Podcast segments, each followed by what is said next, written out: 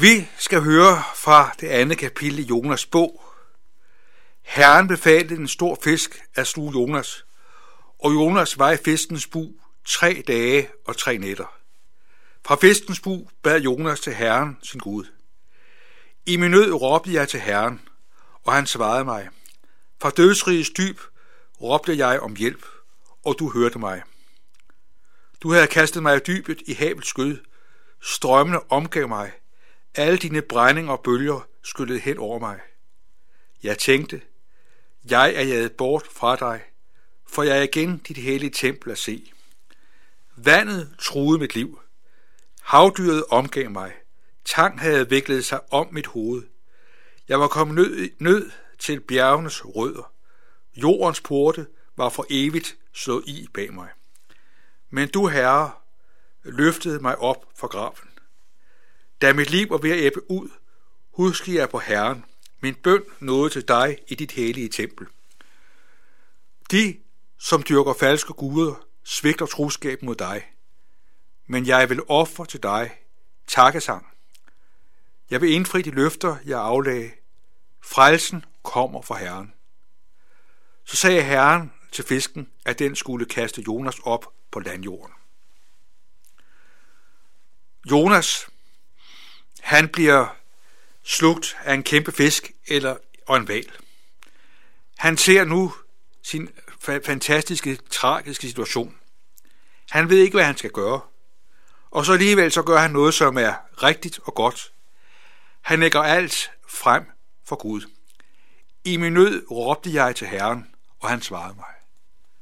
Sådan får vi lov til at møde Gud. Vi behøver ikke gøre os fortjent eller værdige til at træde frem for Gud. Det er ikke sådan, at man måske skal møde dronningen eller en anden øh, vigtig person i, i vores land, eller skal man gøre sig værdig eller fortjent til at få foretræde. Vi får lov til at lægge alt frem for Gud, sådan som situationen er. Jonas han øh, vedstår sin vanskelige situation. Han oplever sin situation fuldstændig håbløst. Han tror, han er droppet af Gud. Han mener, at hans fremtid er afsluttet, eller ved at blive afsluttet, da mit liv var ved at æbbe ud. Sådan oplever han det. Men selvom hans liv var ved at æbbe ud, står der, at så huskede Jonas på Herren. Sådan er det en, en, en gang imellem, at når vi er svage og skrøbelige, så ser vi noget af vores egen afmagt og vores hjælpeløshed. Og det kan Gud på en måde bruge os, bruge på, på en måde, så vi får vores blik og sind rettet mod Gud. Der står, at da mit liv er ved at æbbe ud, husker jeg på Herren. At det er godt at tænke på, at det, som vi i vores, i vores, i vores, før, i, i, i vores liv har hørt fra Guds ord, mens vi var unge, at det kan Gud på sin måde, i sin time, aktivere i vores sind og vores hjerte. At det, som øh, var sagt til Jonas tidligere, det blev nu til liv og hjælp for ham. Og derfor er det godt, at vi i vores liv har hørt Guds ord. Vi har måske hørt det i børneklub og juniorklub, eller da, da vi gik til konfirmationsforberedelse, hvor det nu har været.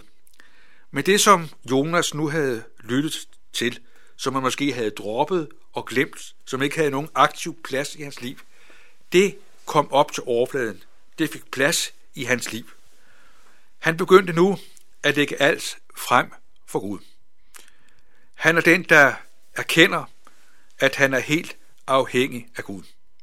Han øh, er klar over, at det, at det er ham, der bærer skylden. Og så alligevel, så lægger han alting frem for Gud. Gud er ikke den, der forkaster Jonas. Gud er ikke den, der dropper Jonas og siger, når du har handlet så vanvittigt, når du har flygtet fra mig og helst vil leve uden mig, så er jeg også færdig med dig. Sådan er Gud ikke. Er Gud for ved lov til at komme nær, sådan som det er. Der står, at, og Jonas siger det, min bøn nåede til dig i dit hele tempel. At selv et lille, hjælpeløst, afmægtigt suk, det når frem for Guds ansigt. Ja, vi hører, det når frem til dit hellige tempel. At det synes jeg, det fortæller noget stort om Gud. at Gud er den, der lader det, vi beder, nå frem for hans ansigt. Og i mødet med Gud, der ser Jonas noget af noget om virkeligheden og menneskers situation. De, der dyrker falske guder, svigter troskaben mod dig. Er de mennesker, som øh, forkaster Gud, lever med forskellige afguder, de er ilde stet. De svigter Gud. Og så hører vi, at Jonas han nu er kommet til en ny erkendelse. Han er kommet til den erkendelse og den forståelse, at frelsen kommer fra Herren. At det, der er afgørende, det er ikke det, at vores planer, vores projekter virkeliggøres og lykkes. Men det, der er afgørende, det er, at frelsen kommer fra Herren. At Gud er den, der rækker sine hænder ud mod os og griber fast, griber fast og griber fast og fast i os, sådan at hans frelse kan få et gennembrud i vores liv. Det var det, som Jonas erfarede. Jonas var nu klar over, at det, som er afgørende, det er, at Guds frelse får et gennembrud. Det var det, der skete i Jonas liv. Jeg tror, at Jonas selv havde et ønske om at komme ned i denne kæmpe fisk i denne val. Men ind i den situation, hvor alt var, hvor han var omklamret af tang og mørke, der blev han lydig. Der blev han stille, så Gud på sin måde kunne få kontakt med Jonas. Og sådan tror jeg, at mange af os har oplevet det. At øh, der, hvor alt så håbløst ud, der var Gud den, der var i stand til at nå os. Gud har ikke lovet at holde hånden over os, men han har lovet at holde hånden under os. Det vil altså sige, at vi ikke lovet et, et liv og en tilværelse, hvor der ikke er vanskeligheder, hvor der ikke er problemer, hvor der ikke er kriser. Og det er jo godt være, at vi synes, at de kriser, de problemer, vi står i, uoverskuelig. Sådan som det var for Jonas. Fra dødsrigets dyb råbte jeg om hjælp. Sådan oplevede Jonas det. Men selvom vi synes, det kan se håbløst ud, og vi kan opleve, at dødens øh, døre nærmest har grebet, øh, åbnet sig for os, så vi er ved at gå til, så er Guds muligheder ikke opbrugt. Gud er den, der er i stand til at gribe ind der, hvor alle odds er imod os. Det var det, Jonas oplevede.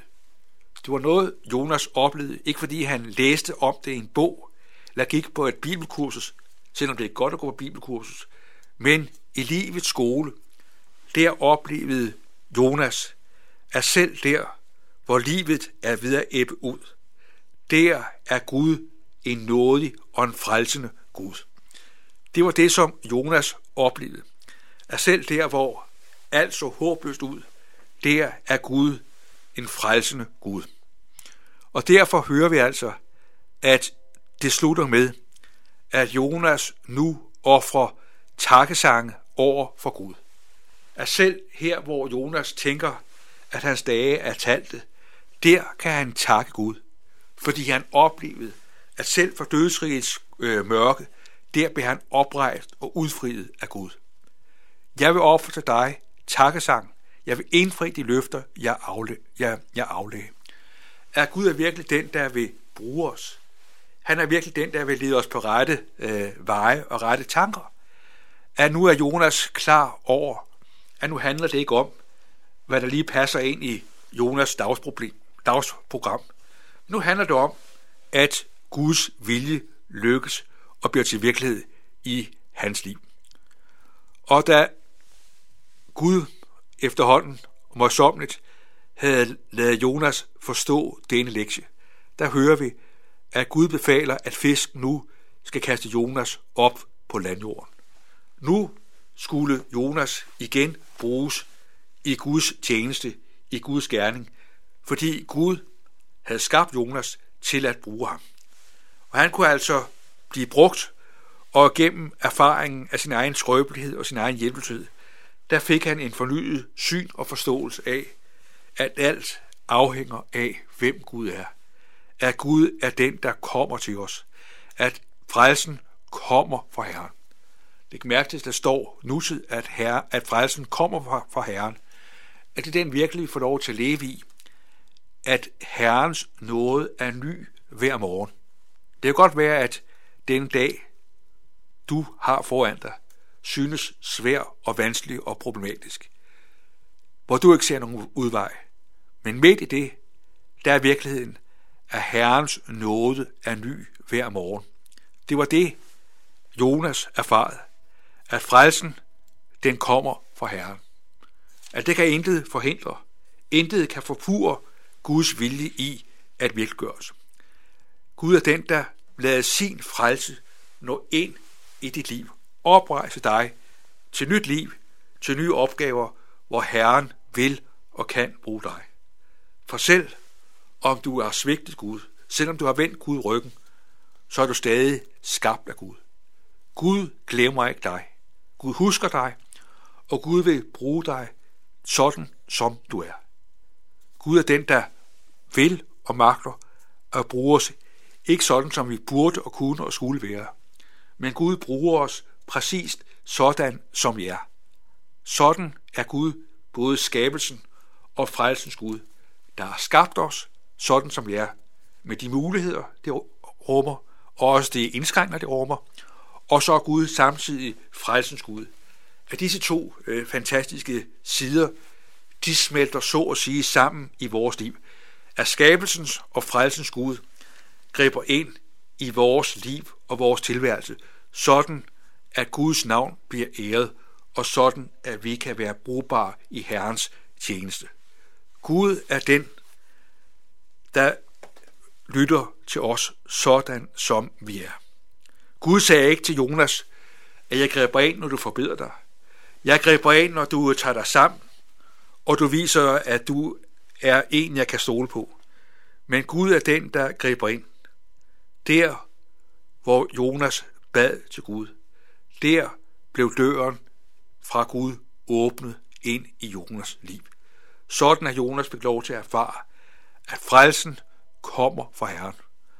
Og så blev livet nyt igen for Jonas, og så kunne Jonas igen træde øh, tørskuddet i land og blive brugt i den gerning, som Gud havde lagt til rette, og Gud havde planer for med Jonas.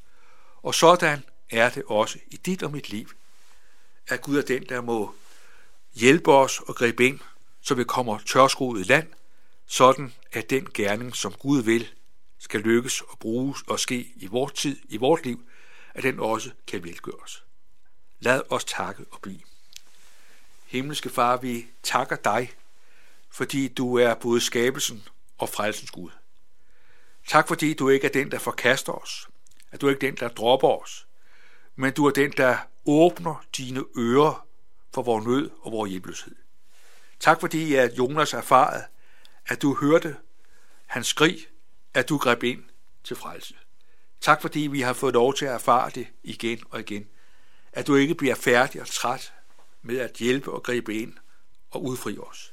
Tak fordi det er vores nåde og vores rigdom, at du er den, der lader din øh, gerning lykkes i os, trods vores svaghed og skrøbelighed. Vi takker dig for den dag, og beder om, at din frelse på ny må skrive en stadig og vedvarende dagsorden i vores liv. Amen.